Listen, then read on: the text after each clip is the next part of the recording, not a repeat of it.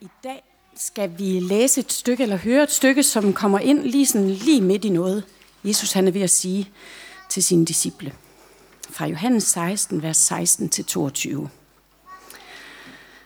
En kort tid, så ser I mig ikke længere, og er der en kort tid, så skal I se mig.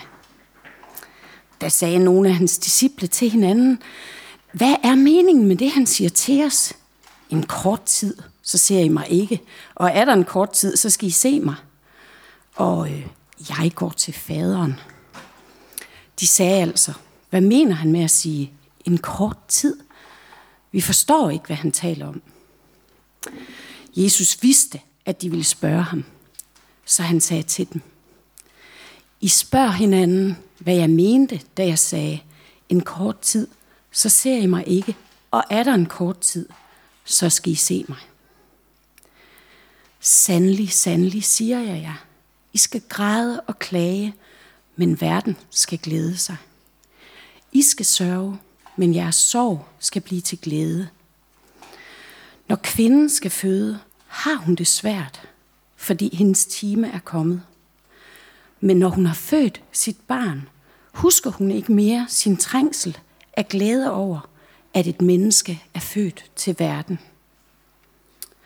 Også I sørger nu, men jeg skal se jer igen, og da skal jeres hjerte glæde sig, og ingen skal tage jeres glæde fra jer.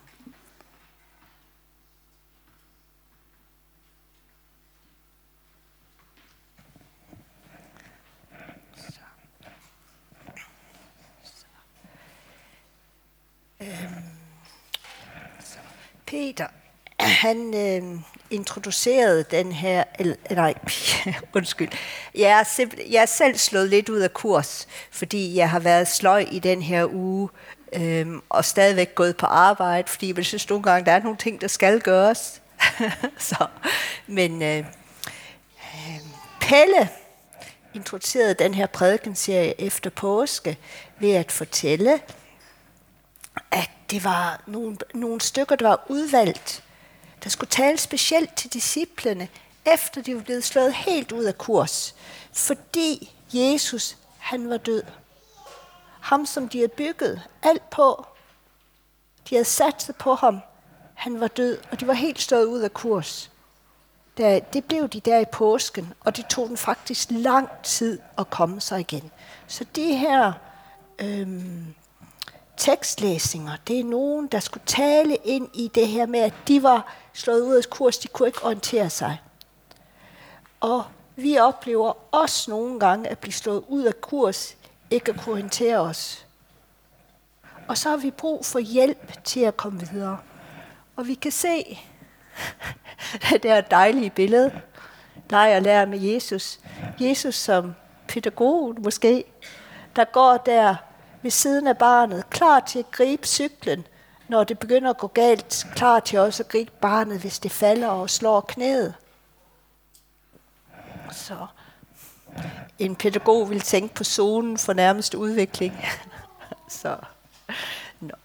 Men øh, de her tekster skal altså tale til os, når vi ikke kan klare ting, når vi ikke kan overskue det, når tingene er gået galt. Og så øh, læste jeg så, øh, og første søndag, så sagde Pelle, Jesus han kan tåle hvilket som helst spørgsmål, vi stiller ham. Vi kan bare fyre løs.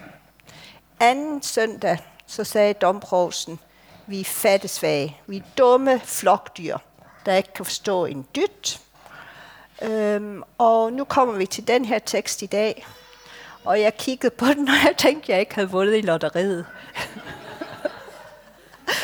Der er fire gentagelser. Øhm, en kort tid, så siger man ikke længere, at der en kort tid, skal I se mig. og så, tænkte jeg, men så begyndte jeg at tænke, hvorfor har Johannes valgt at gentage det her fire gange? Nå, jamen han har jo også det her fokus på, at vi er fatsvage. Så vi forstår ingenting, og jeg prøver på at slå fatsvage op i, øh, i, øh, på, øh, i den danske ordbog, Og øh, det er noget med, at det var noget, som børn, unge, de begyndte at kalde deres forældre der i øh, 70'erne, når de så, at forældrene de virkelig ikke bare forstod spor, hvad det var, der foregik. Og øh, hvis man så ser på øh, nogle af de ord, der forklarer øh, ordet, så fatsvag i den danske ordbog, meget dum, særdeles ubegavet. Og synonymer, det er åndssvag og evnesvag. og det kommer øh, Johannes til at lægge vægt på, ved at han hele tiden øh, gentager det her med, at, øh, at vi er... Øh, at der, vi ikke forstår noget. Så. Og vi kan se, at de bliver gentaget der øh, øh, fire gange. Og de, øh, det her, den her sætning fra Jesus og, og disciplen, de har ikke forstået det. Jeg ved heller ikke, om de har forstået det, når Jesus han er færdig med at, øh, at sige det, han gør. Så, øh, så nu skal jeg lige videre til mit næste ark. Så desværre så er det sådan, at når vi læser resten af Nye Testamente, så ser vi det samme fokus på fatsvaghed. Peter, han er disciplenes første mand. Alligevel så er det ham, der udmærker sig, når han har set Elias og Moses med Jesus op på bjerget ved at sige, skal vi ikke bare blive heroppe? Glemt er missionen. Vi bliver bare heroppe på bjerget og bygger hytter til jer. Så, øh, det er også Peter, som øh, efter Jesus har fortalt dem, at han skal lide meget, han skal dø og opstå, så tager Jesus Peter ham til side og belærer Jesus om, at sådan må det aldrig gå ham. Peter han er fatsvag. Så. Og så tænker man, Nå, om det må da gå lidt bedre, efter at Helligånden er kommet. Ham, der skal være tolken. Ham, der skal kunne tale til vores hjerter. Og på nogle områder, så går det også bedre. Men den her basale fatsvaghed, den bliver ved med at være der. Så, øhm, for eksempel apostlene Paulus og Barnabas, de kommer så voldsomt op og skændes, at de går hver til sit. Selvom de er dannet makkerpar i missionen og været et stærkt makkerpar, så går de hver til sit, fordi de er så rygende uenige. Det er altså ikke specielt kristligt.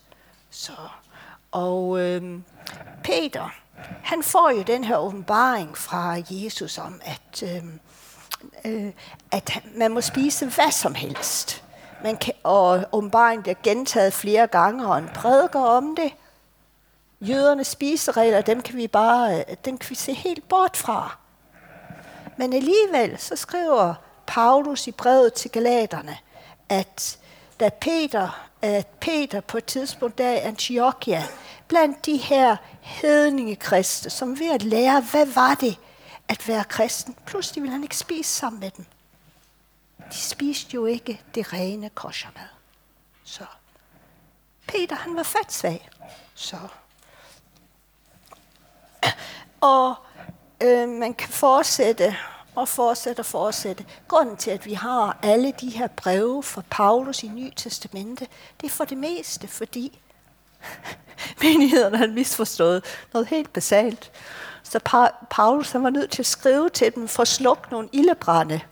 Og vi kan tænke på øh, menigheden i øh, Korinth, hvor øh, øh, de, øh, de var partiske. Nogen var tilhængere af Paulus, og nogen af Peter, og nogen af Barnabas. De var... Øh, øh, de holdt nadver ved at nogen havde taget mad med og spist rigeligt og drak også rigeligt. Det blev faktisk stampe på huset. Mens andre de sad der og var sultne.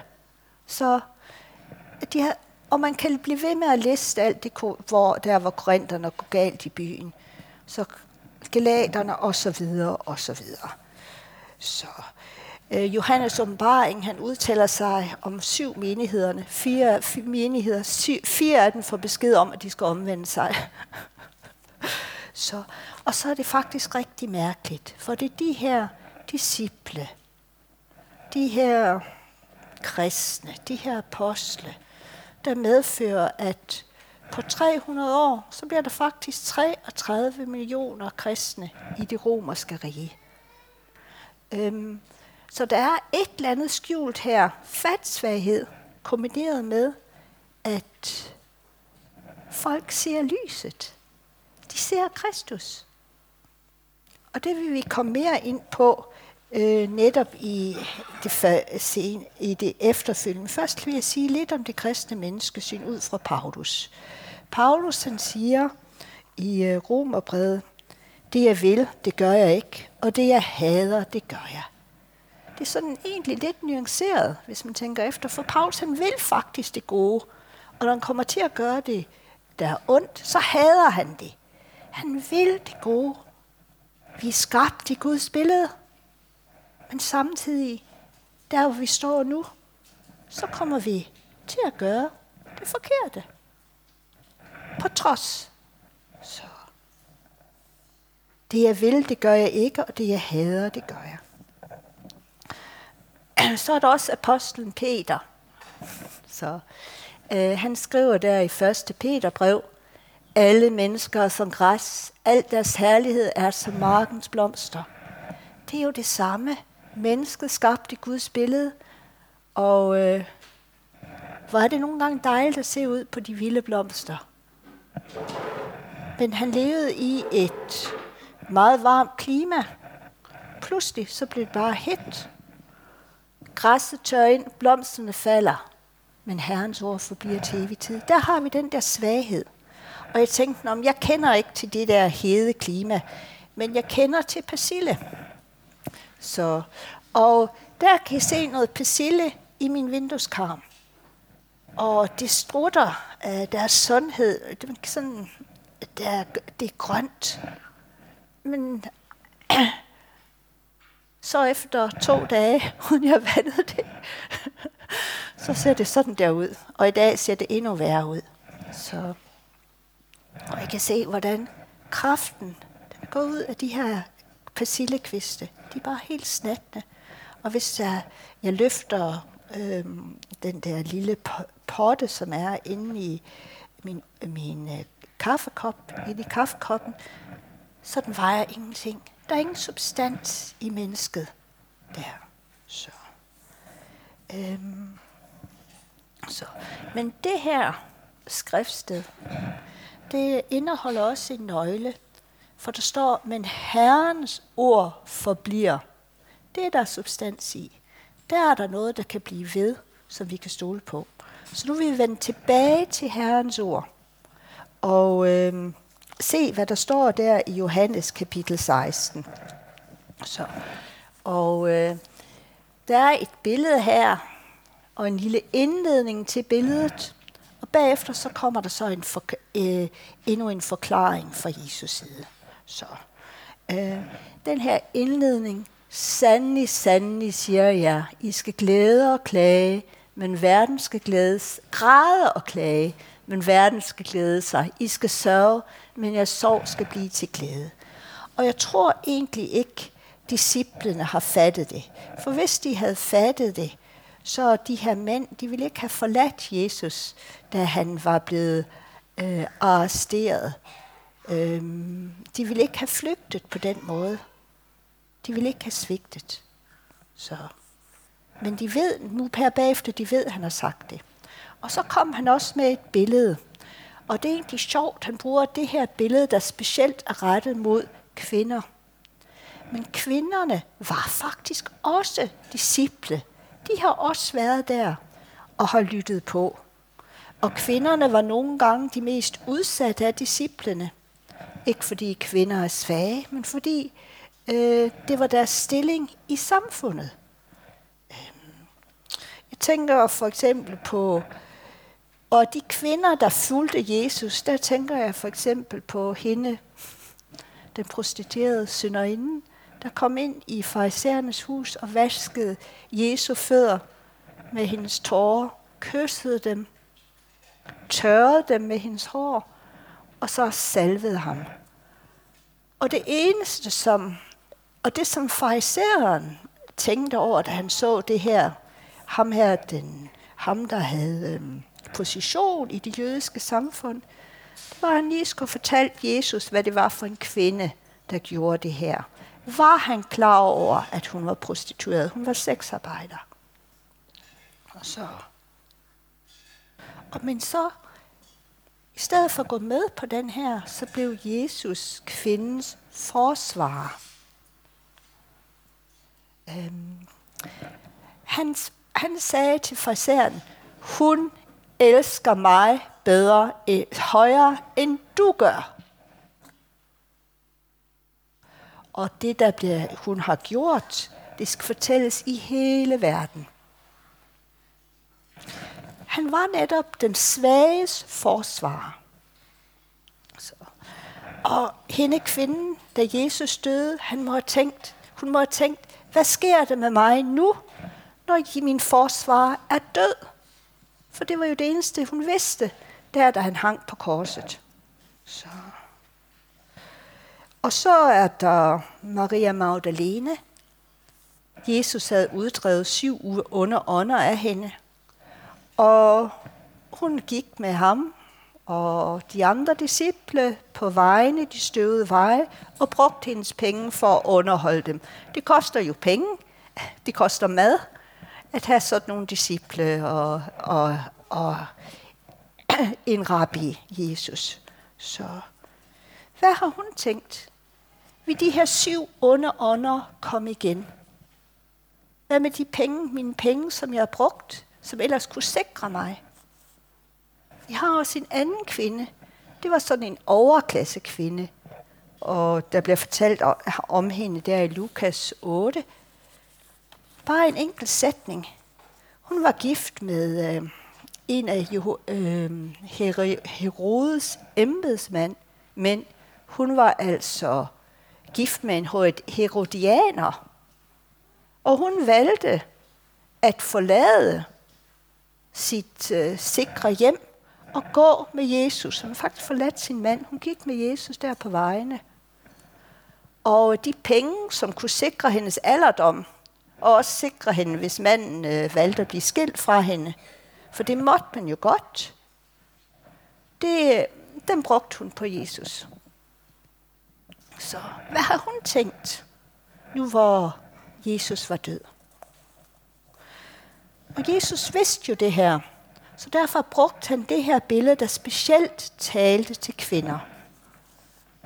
Når kvinden skal føde, har hun det svært, fordi hendes time er kommet. Men når hun har født sit barn, husker hun ikke mere sin trængsel af glæde over, at et menneske er født til verden. Og det er virkelig et dejligt billede til de her fortvivlede kvinder, som stod der, da Jesus var død. Fordi billedet negligerer ikke smerten. Billedet siger jo, det her, det her gør ondt. Og dengang så har man været meget tættere på fødsler, øh, end vi er, det er nu. Man blev ikke fragtet ind på et hospital, når man skulle føde. Så man fødte derhjemme. Så. Og dengang, så var det også sådan, at børnene nogle gange døde.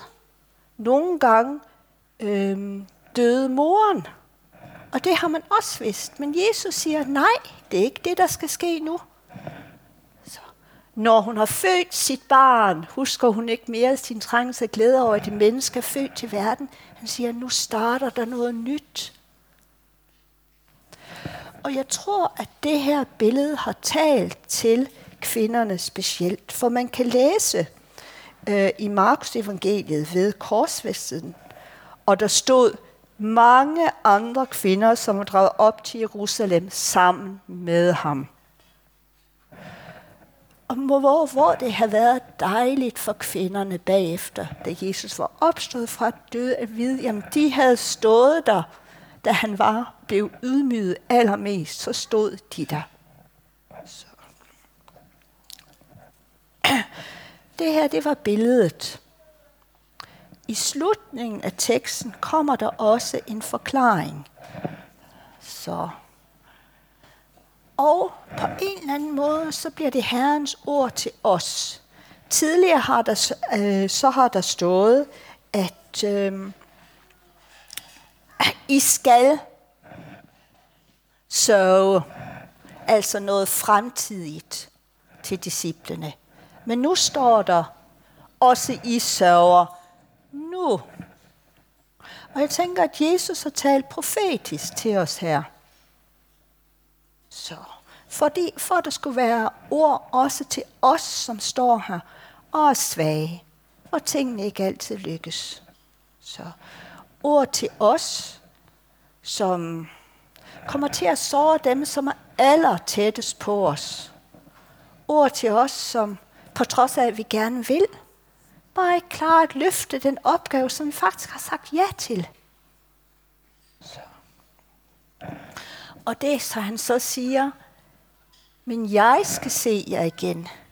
Det er ikke et ord om, at nu skal vi tage os sammen. At nu skal vi vende os i den retning. Nu skal vi bede så og så mange gange vendt mod Jerusalem. Og så skal vi huske at gøre det morgen, middag og aften. Det er ikke et ord om, at vi skal forstå os selv øhm, og vores egne komplekser, vores egne motiver. Alle de ting, de er gode. Det er ikke for at øh, negligere dem. De skal heller ikke negligeres. Men i bund og grund, så er det fordi Jesus, han ser os. Det er det, vi kan bygge på. Det er det vores grund. For vi er fatsvage. Og midt i det, så ser Jesus os. Så, og resultatet af det skal så være, at, nej, du må gerne gå tilbage igen, Jakob, så at øh, vores hjerte skal glæde sig. Og I kender alt, det er ikke sådan en eller anden intellektuel forståelse. Det er noget, der er i hele kroppen, når hjertet glæder sig. Så, og ingen eller intet skal kunne tage øh, vores glæde fra os. Og nu vil jeg gerne lige holde en lille pause i min prædiken. Den vender tilbage senere. Men her skal vi lige vil øh, Liselotte og Tobias lige spille lidt, og så et par minutter, så vil jeg bare gerne have, at I tænker over et øjeblik eller nogle situationer, hvor I faktisk var fatsvage, ligesom alle mulige andre. Og hvor Jesus så så jer, og I vidste, at Jesus så jer, og det er det, der gør forskellen. Tager vi lige et par minutter med, og så vender jeg tilbage med noget mere.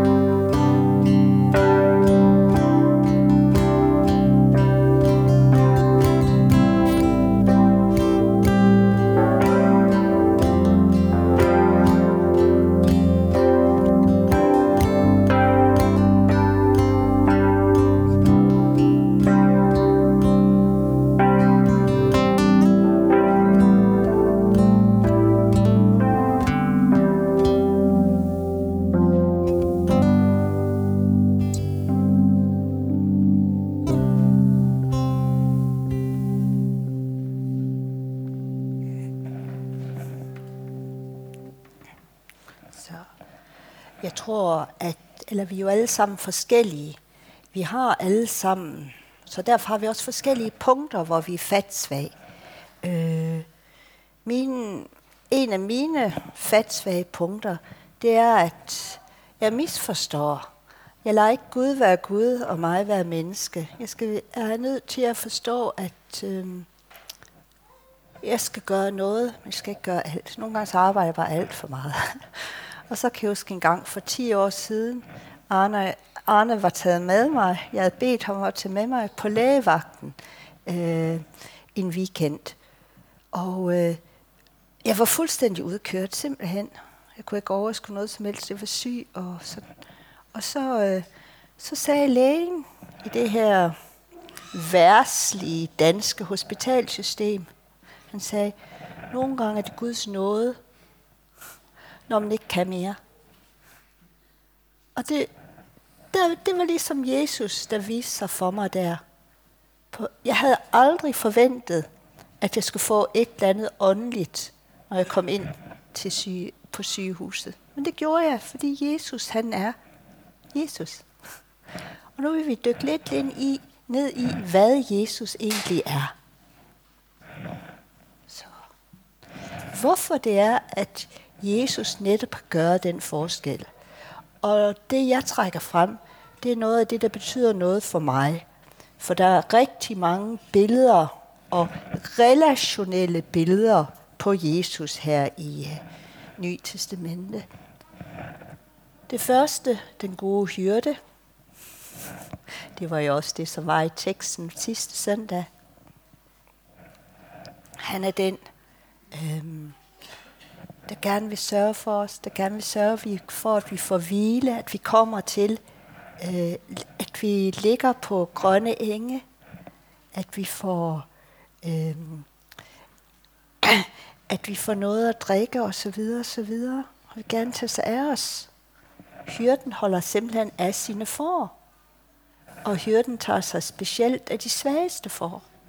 Så hyrden er med, når når man går i øh, dødskyggens dal, enten på grund af egen dumhed, eller fordi der er sket nogle ydre ting, hyrden er med. Og der, i dødskyggens dal, så er det, at man pludselig begynder at sige du til hyrden. Der kommer bliver relationen helt tæt. Så. Og så er det det her med, at man vil svare på vores svage gentagende spørgsmål. Der tænker jeg på, øh, på øh, et sted i klagesangene, hvor der står, at Guds nåde er ny hver morgen. Så hans ufortjente godhed mod os, den er den samme dag efter dag efter dag. Han er ikke en, der bliver træt, ligesom os mennesker. Nogle gange har vi hørt på noget, 20 gange, så synes vi, det er nok. Men det gør Gud ikke. Det gør Jesus ikke. Så. Han er klippen. Det betyder, at når jeg er gelé, så står han fast. Jeg kan stå på ham. Jeg kan ligge på ham. Jeg kan netop være gelé. Det gør ikke noget, for han er klippen.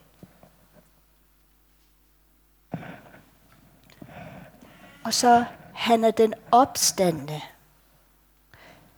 Det betyder, at han har brudt dødens magt. Døden skal ikke have de sidste ord. Det kan være død i relationer, men også når en dag vi dør den fysiske død.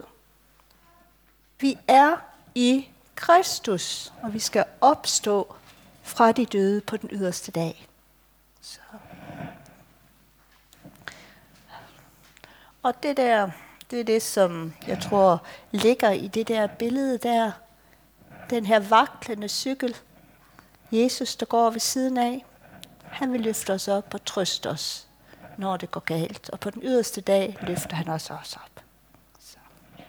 Amen.